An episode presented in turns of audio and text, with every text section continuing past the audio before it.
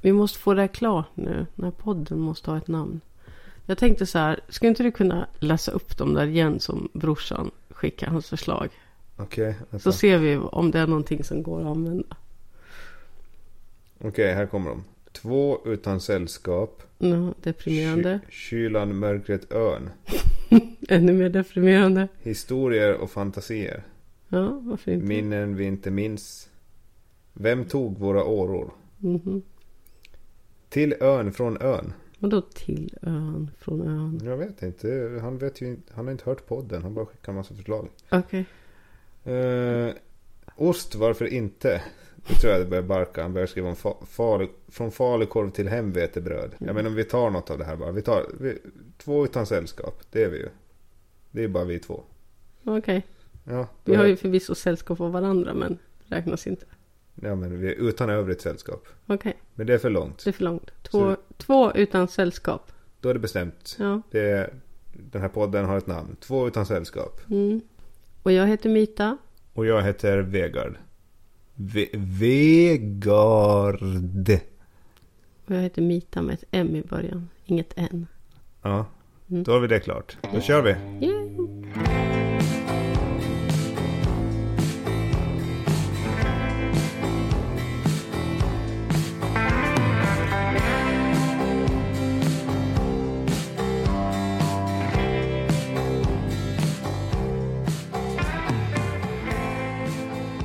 Jag läste om accommodation theory eh, inom psykologi. Och det handlar om att vara inställsam mot andra personer. Mm. Och hur, det som jag läste handlade om hur man kan vara nedlåtande mot folk utan att egentligen göra det med flit. Oftast i så fall i, de, i de här fallen så gör man det i misstag. För att man, någonting som de kallade för over accommodation. Som är när man är för inställsam. Att man liksom går fram till en person eller en grupp. Och så försöker man låtsas ha deras intressen fast man inte har en aning om vad man pratar om.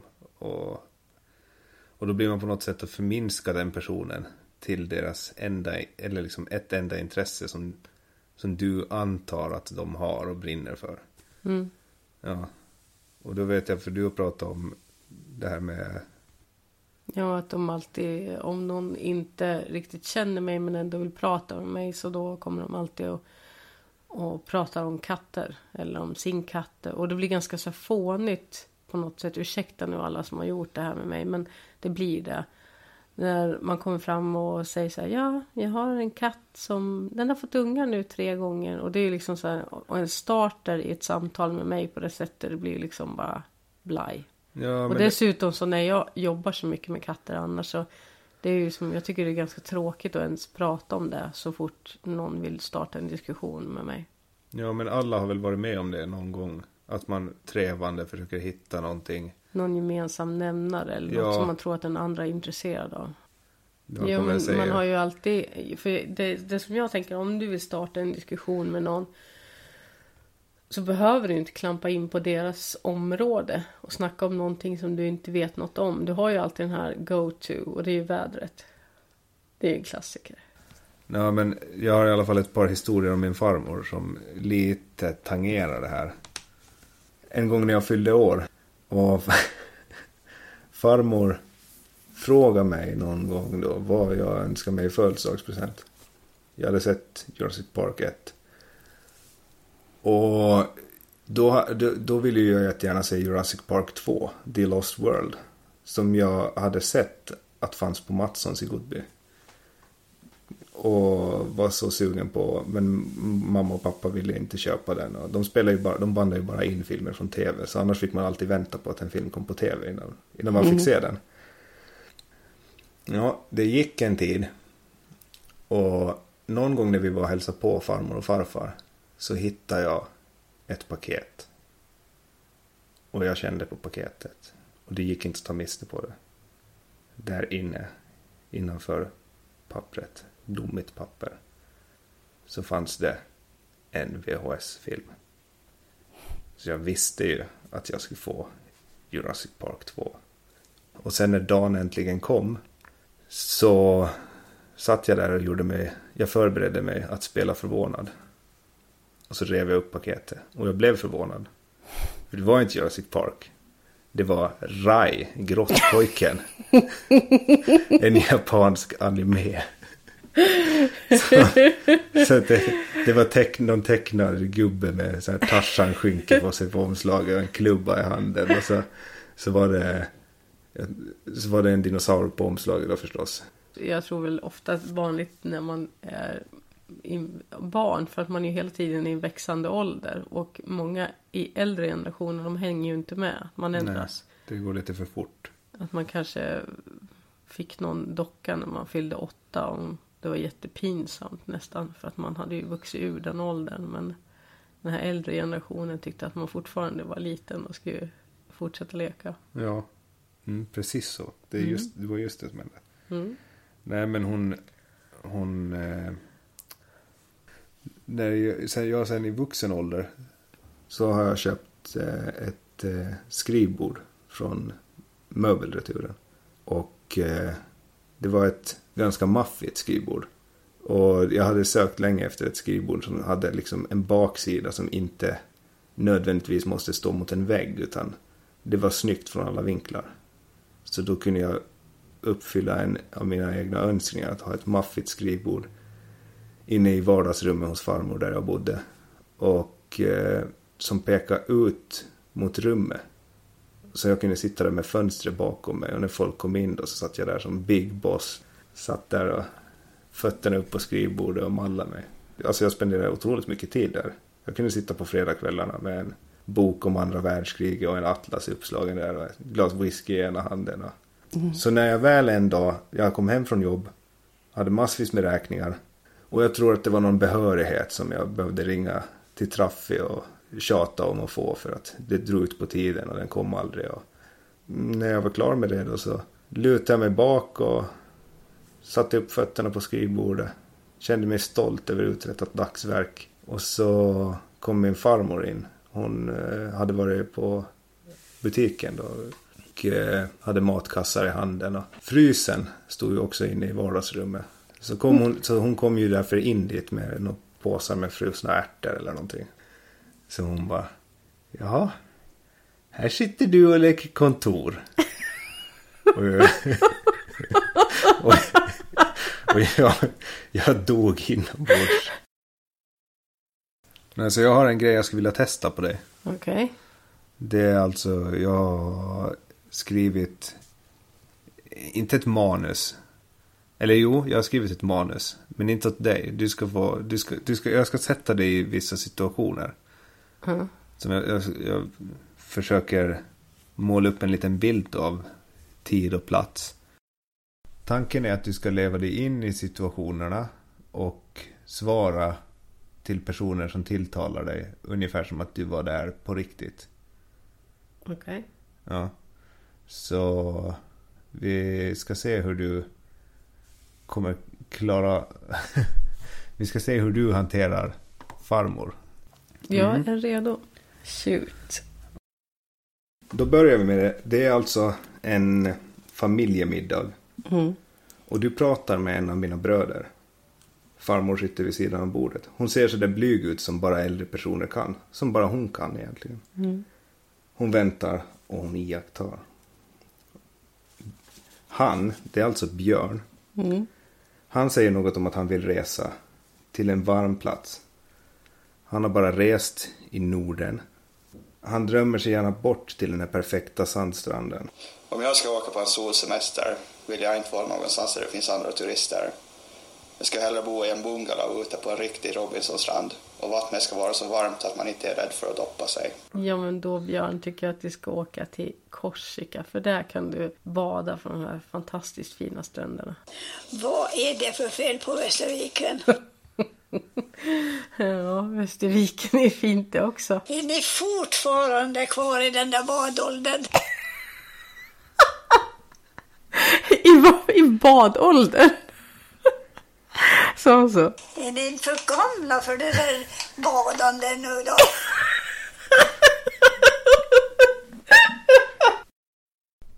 Okej, det där var ganska klart 1-0 till farmor.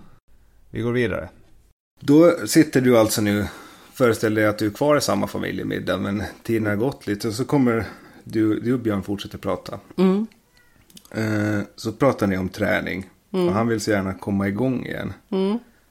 Eh, han berättar om när han var i sitt esse. Han vill, han vill så gärna vara på topp igen. Mm. Så här säger han. Alltså jag saknar egentligen inte träningen. Det är tråkigt. Men jag saknar fan mina vader. Jag hade vader som en riktig bodybuilder. Det var då jag började använda ankelsockor. Jag kunde helt enkelt inte få på mig mina vanliga sockor längre. Så vad... Ja, nej men då tycker jag Björn att vi går, du och jag kan väl eh, gå ner till gymmet då och träna så att du får börja använda dina ankelsockor igen. Det tycker jag. Ja, du är ju stark redan. Alltså det var väl ändå snällt att se att någon är stark. Ja, jo men jag är ju stark. Björn med. Vi tränade inte förr, men vi åt ju förstås mindre. Ja, det har de väl rätt i. Jag äter väl kanske lite för mycket. Ja, Arbet istället. Det finns något att göra här. 2-0 till farmor. Så middagen är över och gästerna står och minglar vid dörren. Då visar du upp dina naglar för någons unga dotter. Hon är fascinerad, hennes ögon lyser upp. Det är lite fräcka färger på naglarna. Det är inte samma på varje finger. Wow, säger hon och börjar identifiera färgerna en efter en. Blå, röd. Hon kanske identifierar någon färg fel också. Hon säger röd och gul och så här. Men mm. det, det är ett fint tillfälle. Så vad säger du åt flickan? ja men jag säger väl att ja, visst är det fina naglar och så. Det ska målas och sminkas nu för tiden.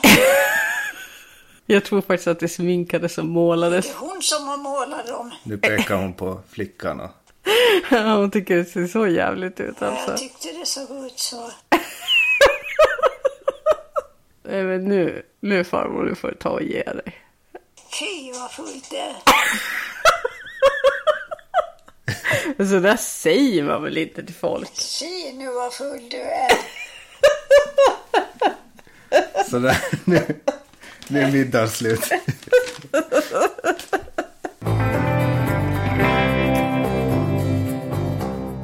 Det är ganska skönt att vara vuxen och få bestämma om sin egen frisyr. Okej. Tycker jag. Tycker eller, ja, eller det kanske man inte får ändå. För, för mig är det ju så att min frisör bestämmer hur jag ska se ut i håret. Och någon frisyr har jag inte för jag har sett likadan ut de senaste 20 åren i håret. Men hon gör det ju ändå bra. Att eh, hon kan se vad jag inte vill ha och vad jag vill ha. Att jag vill se likadan ut som jag gjorde för 20 år sedan. Skulle alternativet vara att jag klipper dig då istället? Nej, jag vet inte. Men när jag var liten så var det ju så att jag hade ju... jag fick ju aldrig ha långt hår. Utan jag skulle ju ha så här kort pojkklippt hår. Min mamma försvarade det med att jag tydligen torkade av munnen i håret. Men det har jag, sett, jag har sett dig göra det. det har inte alls. Nej, men att jag alltid... Jag hade sådär... Då precis som nu så har jag ju inget hår egentligen. Utan jag har ju såhär fluff. Alltså håret är som en fluff. Som en fjäderboa fast på huvudet. Och så hade jag ju då också. Jag har faktiskt tagit med mig en, ett fotografi här så du kan få titta. Det här är ju jag när jag är sex år. Jag kan förklara frisyren där. Den är ganska kortklippt bak i nacken och sen så är det en jätterak lugg som går alldeles för långt ut på huvudet. Jag vet inte varför man gjorde så Du ser ut som. Captain Kirk. Vänta, jag måste ta fram. Nej, inte Captain, inte Captain Kirk. Han var ju så här typ Nej, som du det. ser ut nu. Ja, just det. Fan, jag är Captain Kirk. ja. Fan vad Spock. coolt ändå.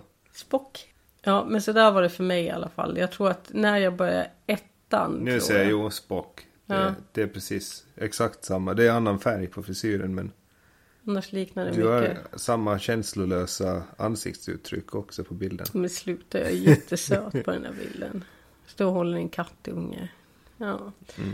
Ja, men i alla fall så där var det för mig då. Jag har en syster som är två år äldre än jag. Hon hade, fick ha långt hår och det var så här fint och lockigt och tjockt och jag hade mitt fluff. Ehm, när jag började ettan så fick jag då bestämde jag mig för att nu ska jag spara till långt hår. Eh, så det var, jag har på ettans klassfoto så har jag två tofsar på varje sida om öronen som är typ två centimeter långa. Jag vet inte ens hur mamma fick en Varför? hårsnodd i dem. Nej, men jag tyckte att jag hade långt hår då ville jag ha tofsar. Men det var ju inte långt. Det var ju kort fortfarande. Okej. Mm. När började du gå till frisören då? Jag har, jo, men de här fula klippningarna gjordes faktiskt hos en frisör. Det var någon tant som var i någon källare någonstans. som, som man fick gå till. jag, jag tror hon var säkert, hon var säkert pensionerad också. Jag vet inte. Men jag var faktiskt till frisör då till henne. Men sen gick det ju många år. Under den tiden jag hade lite längre hår. Så då klippte ju mamma oss själv hemma. Topparna och sådär då. Så, så, så var det ju. Tig! Sitt still! Sluta fåna dig! Vad håller du på med? Ja, det är min pappa. Ja. När han klippte oss. Du har ju säkert försökt bada en katt någon gång. Ja, eller försökt. Jag har gjort det många gånger. Alla som någonsin har badat en tam katt. Det kan ju vara ganska svårt. Men om du ska bada en vild katt. eh, Så var det när pappa klippte oss. Så måste han... Hålla fast dig i nackskinnet. ja, nästan. För man vill ju springa iväg. Det, det där var ju hemskt. Men eh, det blev ju bättre sen när farsan köpte en hårtrimmer.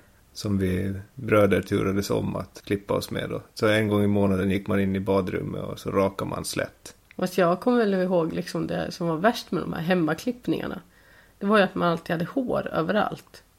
Alltså vet, hos frisören då har, står de med den här lilla borsten och duttar i ansiktet. Men när mamma klippte luggen då var det så här bara klipp, klipp, klipp. Och så fick man ner allt det där hår i ansiktet. Ja, men- Och så kunde hon dra lite så här med handen och så fick man in det i näsan. Men och det, ögonen det är precis en sak också. För egentligen var det en liten övergångsperiod där. Före eh, jag och brorsorna började raka slätt. Som farsan var ju den.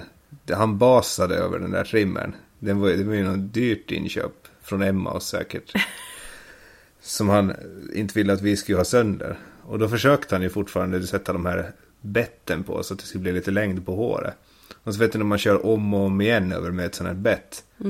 Då blir det ju, så förut om man hade haft hår lite här och var, det gjorde inte så mycket. Men när han körde om och om igen över för att det blir ju så jävla fult när man kör, när man kör med ett bett och så ligger håret lite ner. Så på ett ställe står det rakt upp och på ett ställe ligger det ner så blir det 25 mm på ett ställe och 15 mm på ett annat. Men det resulterar ju också i att man får en massa små, små, små, små bitar av hår som är så här 2-3 millimeter långa. Som letar sig in under kläderna och överallt. Och det där kliar ju något vettlöst. Det var ju nästan värre än den där gången vi lekte i glasull. Nej, men jag tänker som är när man sen när man blev lite äldre eller speciellt yngre tonåren då man började liksom experimentera med håret. Eller jag gjorde det åtminstone. Eh, för det första hade jag väldigt, väldigt lockigt hår och det var ju inte jag så här helt nöjd med. Sen var det någon, någon kompis, jag kommer ihåg det ganska väl för vi var hemma, det var ingen så här som jag var med så mycket. Men hon föreslog att vi skulle raka bort håret på, mina, på sidorna ovanför öronen, sidecut alltså. Så det, och det, sidecut var ju ingenting som existerade då om man inte var punkare. Var du punkare? Nej, absolut inte. Det här var alltså, jag var kanske... Eh, ja, jag tror att jag gick i sexan. Så jag var inte så gammal heller. Eh, men hon sa att om vi gjorde det så skulle man inte tänka så mycket på att jag hade lockigt hår. Okej. Och bara det fick ju mig att säga, ja nej men det är ju en bra idé. Så att vi gjorde ju det på hennes, i badrummet hemma hos henne också då med någon stor så här, en fiskarsax. Som hon klippte. Va? Ja, hon klippte alltså så här nära huvudet, så nära hon bara kom. Så du kan ju tänka dig hur det såg ut. Det var ju inte så här som det är heller om man tar med en rakapparat. Tog hon lite skinn också eller? Ja, det var nog lite. Jag hade så här lite sår bakom öronen och, och lite sådär. Och det såg ju...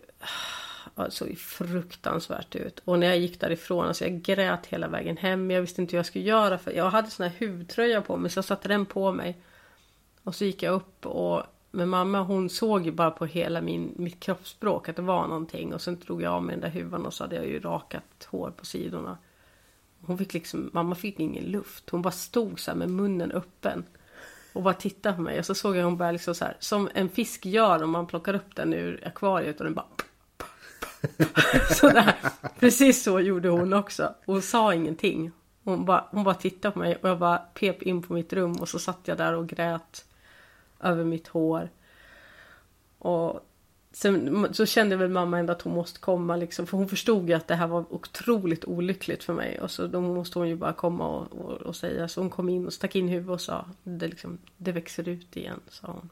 Det var liksom det med det.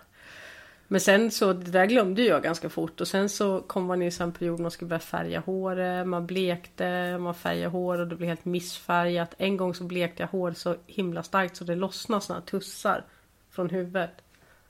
För det var ju, det var ju starka doningar alltså. Vad, alltså blek, köpte du Ja, blekte hemma. Ja, ja, man köpte Men köpte du blekmedel för hår eller köpte du bara för ble, Nej, det var för hår, men det var väl kanske inte, det var väl det billigaste man hittade nere på Ica liksom. Så köpte man och så bara mojkade man in det i huvudet. Så lät man det sitta. Då hade man så här vision om att om jag låter det sitta i istället, om det står att det ska sitta en timme och låter jag det sitta i tre timmar så blir det jättebra.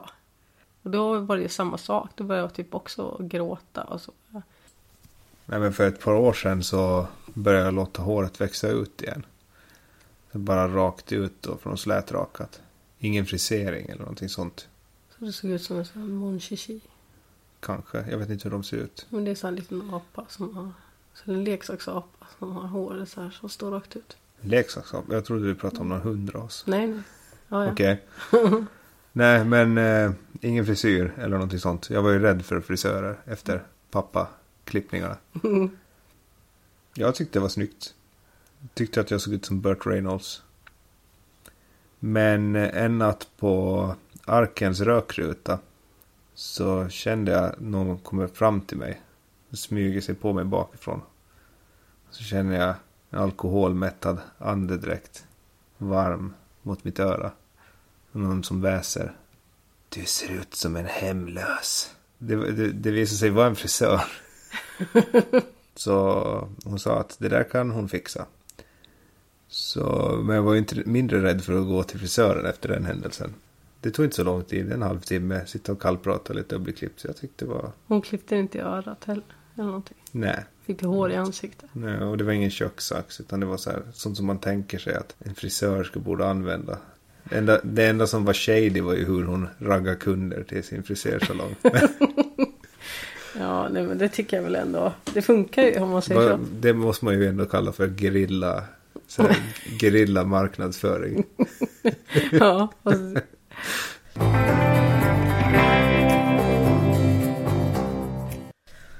Okej. Vad tycker vi om Fögletunneln? Alltså det, det som jag har allra mest att säga om Fögletunneln. Det är ju att det är ju alltså en diskussion som har pågått sen Ja, jag vet inte sen när, men jag kommer ihåg redan på 90-talet att folk körde runt med sina bilar och hade liksom typ såhär ja till bron och Nej, vad säger bron hela tiden? Nej till bron, nej till bron. Tunneln! Att de hade såhär, nej till Bro rullar lättare av tunga, tungan än tunnel. tunnel. Ja, ja nej, men då har de såhär, nej till tunneln, ja till tunneln. Och det här var ju, det känns som att det var typ mitten på 90-talet, jag vet inte. Men i alla fall, det är ju en diskussion som har pågått under jag vet inte hur länge. Och det delar upp liksom Ålands befolkning i två läger. Men inget beslut har fattats någonsin. Jag skulle säga, jag måste ändå inflika med det att det måste ju vara tre läger. Som i de flesta sådana här frågor. Ja, det är två... ja till tunneln, nej till tunneln. Och vem vil- fan bryr sig? Ja, ja men så är det. Ja. Ja, men eh, jag, börjar, jag, är ju, jag tycker ju själv inte att man ska hålla på och kasta in en massa pengar i skärgården. Nej. Ja, men jag börjar, jag börjar tänka om lite. Jag tycker faktiskt att man ska kunna ta och bygga den där tunneln. Så får man bort en av färjorna. Eller kan man kan flytta skarven till Mm. någon av de andra linjerna. Den största och finaste färjan som går på den kortaste rutten. Mm. Ja, flytta den till någon annan rutt då, som behöver en varm och ombonad färja hellre. Men vad ska de göra med den nya färgen som de redan har beställt då? Jag kör den också på en annan rutt. De kan väl dra om den skulle vara, gå på el delvis i alla fall. Mhm. Så då kan de väl dra en elkabel där och köra den mellan Brände och fastalandet. Skulle det funka att ha den gå till typ Norrtälje? Jag vet Nej. inte. Det skulle ju vara ganska coolt. Och Ja. ta elfärjan till Norrtälje. Var ska den vara någonstans? Jag har ingen aning.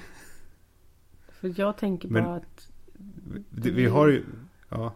jättefult, tänker jag. Fult. Ja. Då har du, har du sett skarven? ja. Kan det bli värre? Nej, kanske Nej. inte. Ja. Men eh, jag vet inte, jag vet inte själv var de vill dra den. Men eh, det, vi har ju tur med det. Eftersom att det finns så många engagerade Föglebor. Mm. Som eh, redan har bestämt att den här tunneln ska bli av. De har ju redan gjort privata utredningar. Och anlitat en massa konsulter och Ja men alltså jag Experter. kan, jag kan förstå alltså. Jag håller ju med. Alltså jag förstår ju Fögleborna. På det sättet. För jag kan ju säga med handen på hjärtat. Skulle det finnas en tunnel. Då skulle jag också kunna bo på Fögle. Men så länge man måste åka med den där jäkla båten. Då vill jag inte bo där. Ja men du vet jag tänkte på det när jag förberedde mina punkter. Mhm. Så vi pratade, vi pratade ju om det och, och Mm. du sa för några dagar sedan att du skulle visst kunna tänka dig att bo på Fögle. Ja, Och jag har hört många andra säga det. ja, Att skulle du, åh men skulle, jag skulle nog kunna tänka mig att bo där om det finns en tunnel dit. ja. Men skulle de det faktiskt? Vi tittar på... ja men lång vi, tid tar ja, men vi, att köra genom tunneln? vi tittar på ett hus i Lämland. Ja. Och det, det, det tyckte vi var ett fint hus. Men sen, ja, sen konstaterade vi att nej, hur- nej, nej, vi kan inte hålla på och åka till från jobbet ända från Lämland varje dag. Nej. Nej fast Fögle är ju otroligt vackert. Alltså jag skulle kunna bo där bara därför. Sen är det är ju någonting med det här. När man, när man far till och så den där matbutiken som de har där. Som är så här gammaldags och gullig. Jag tycker det är lite, det är ju så här idylliskt. Jag skulle kunna, bara för att det är så gulligt. Enda gången som jag har varit i land på Fögle så körde jag bara hela vägen till, eh, vad heter det nu igen? Till andra färgfester där.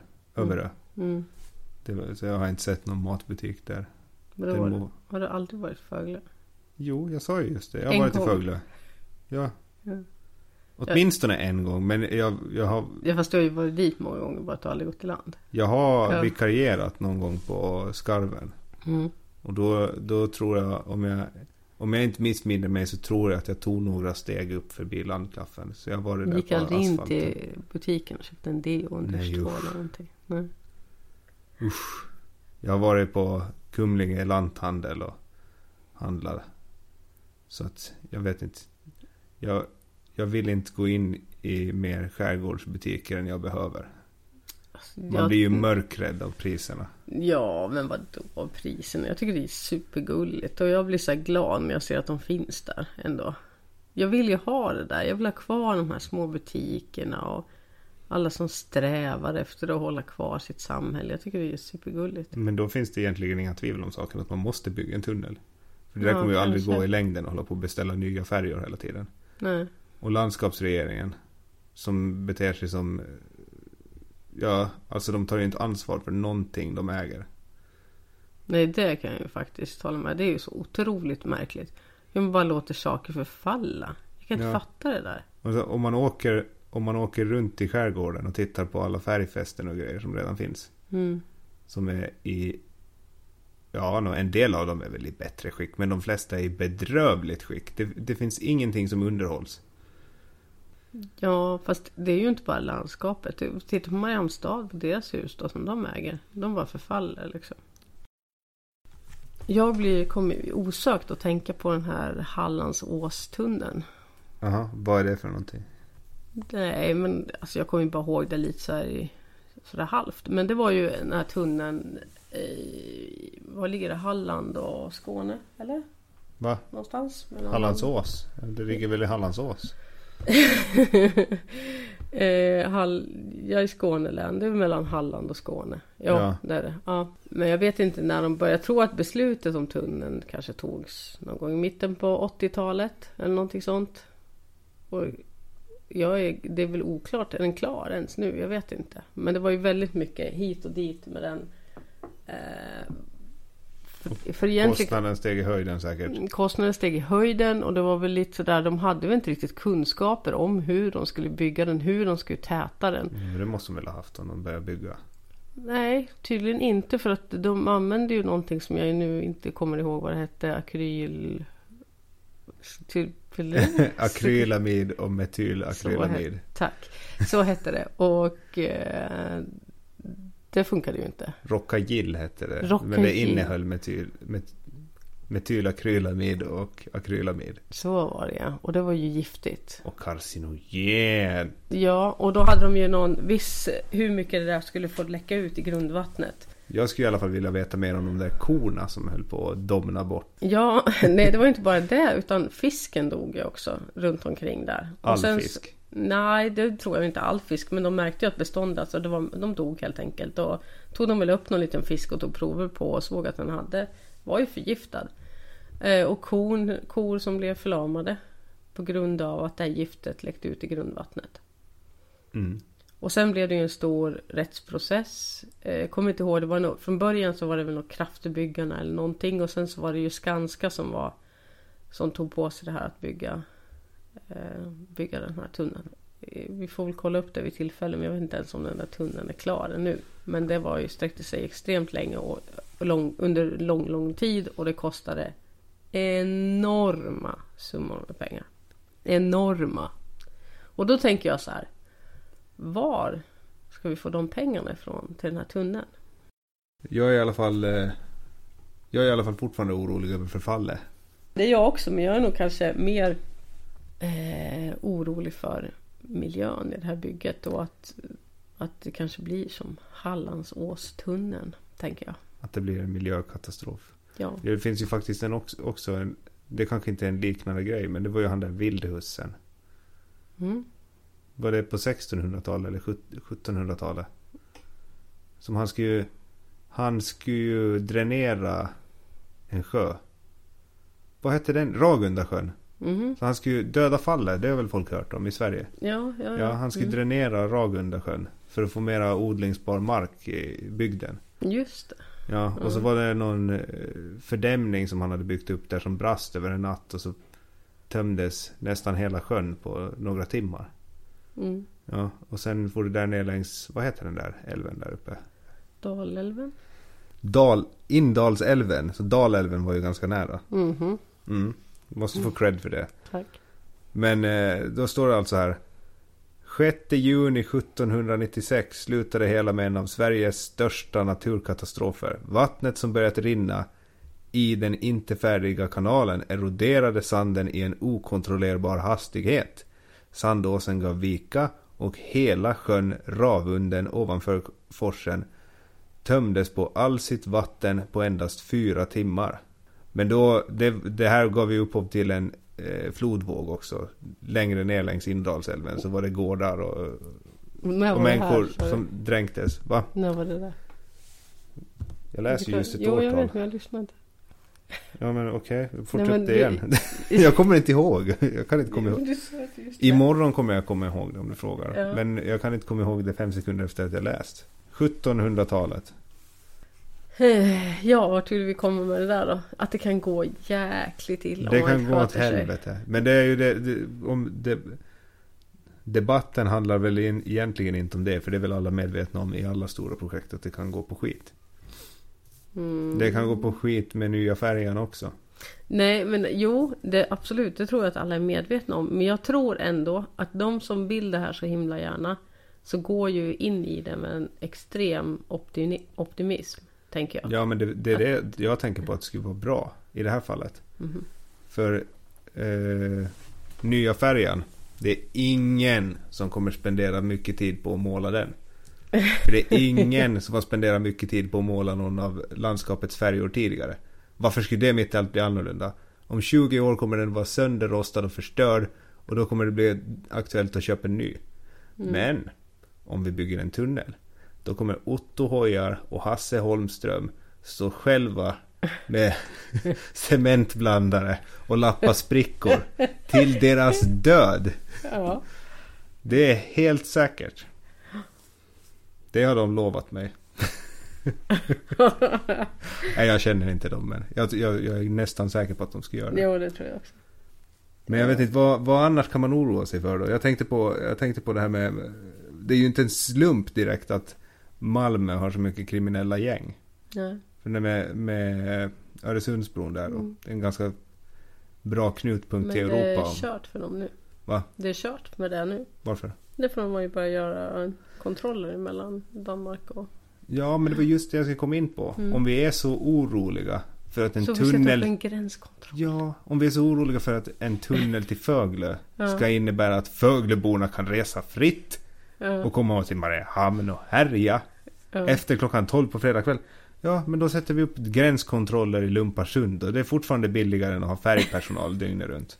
Ja. Det är det. Okej, men eh, säger vi ja till tunneln då? Ja, jag säger ja till tunneln alla gånger. Mm. Jag har ändrat okej. mig. Jag Man vill... får ändra sig.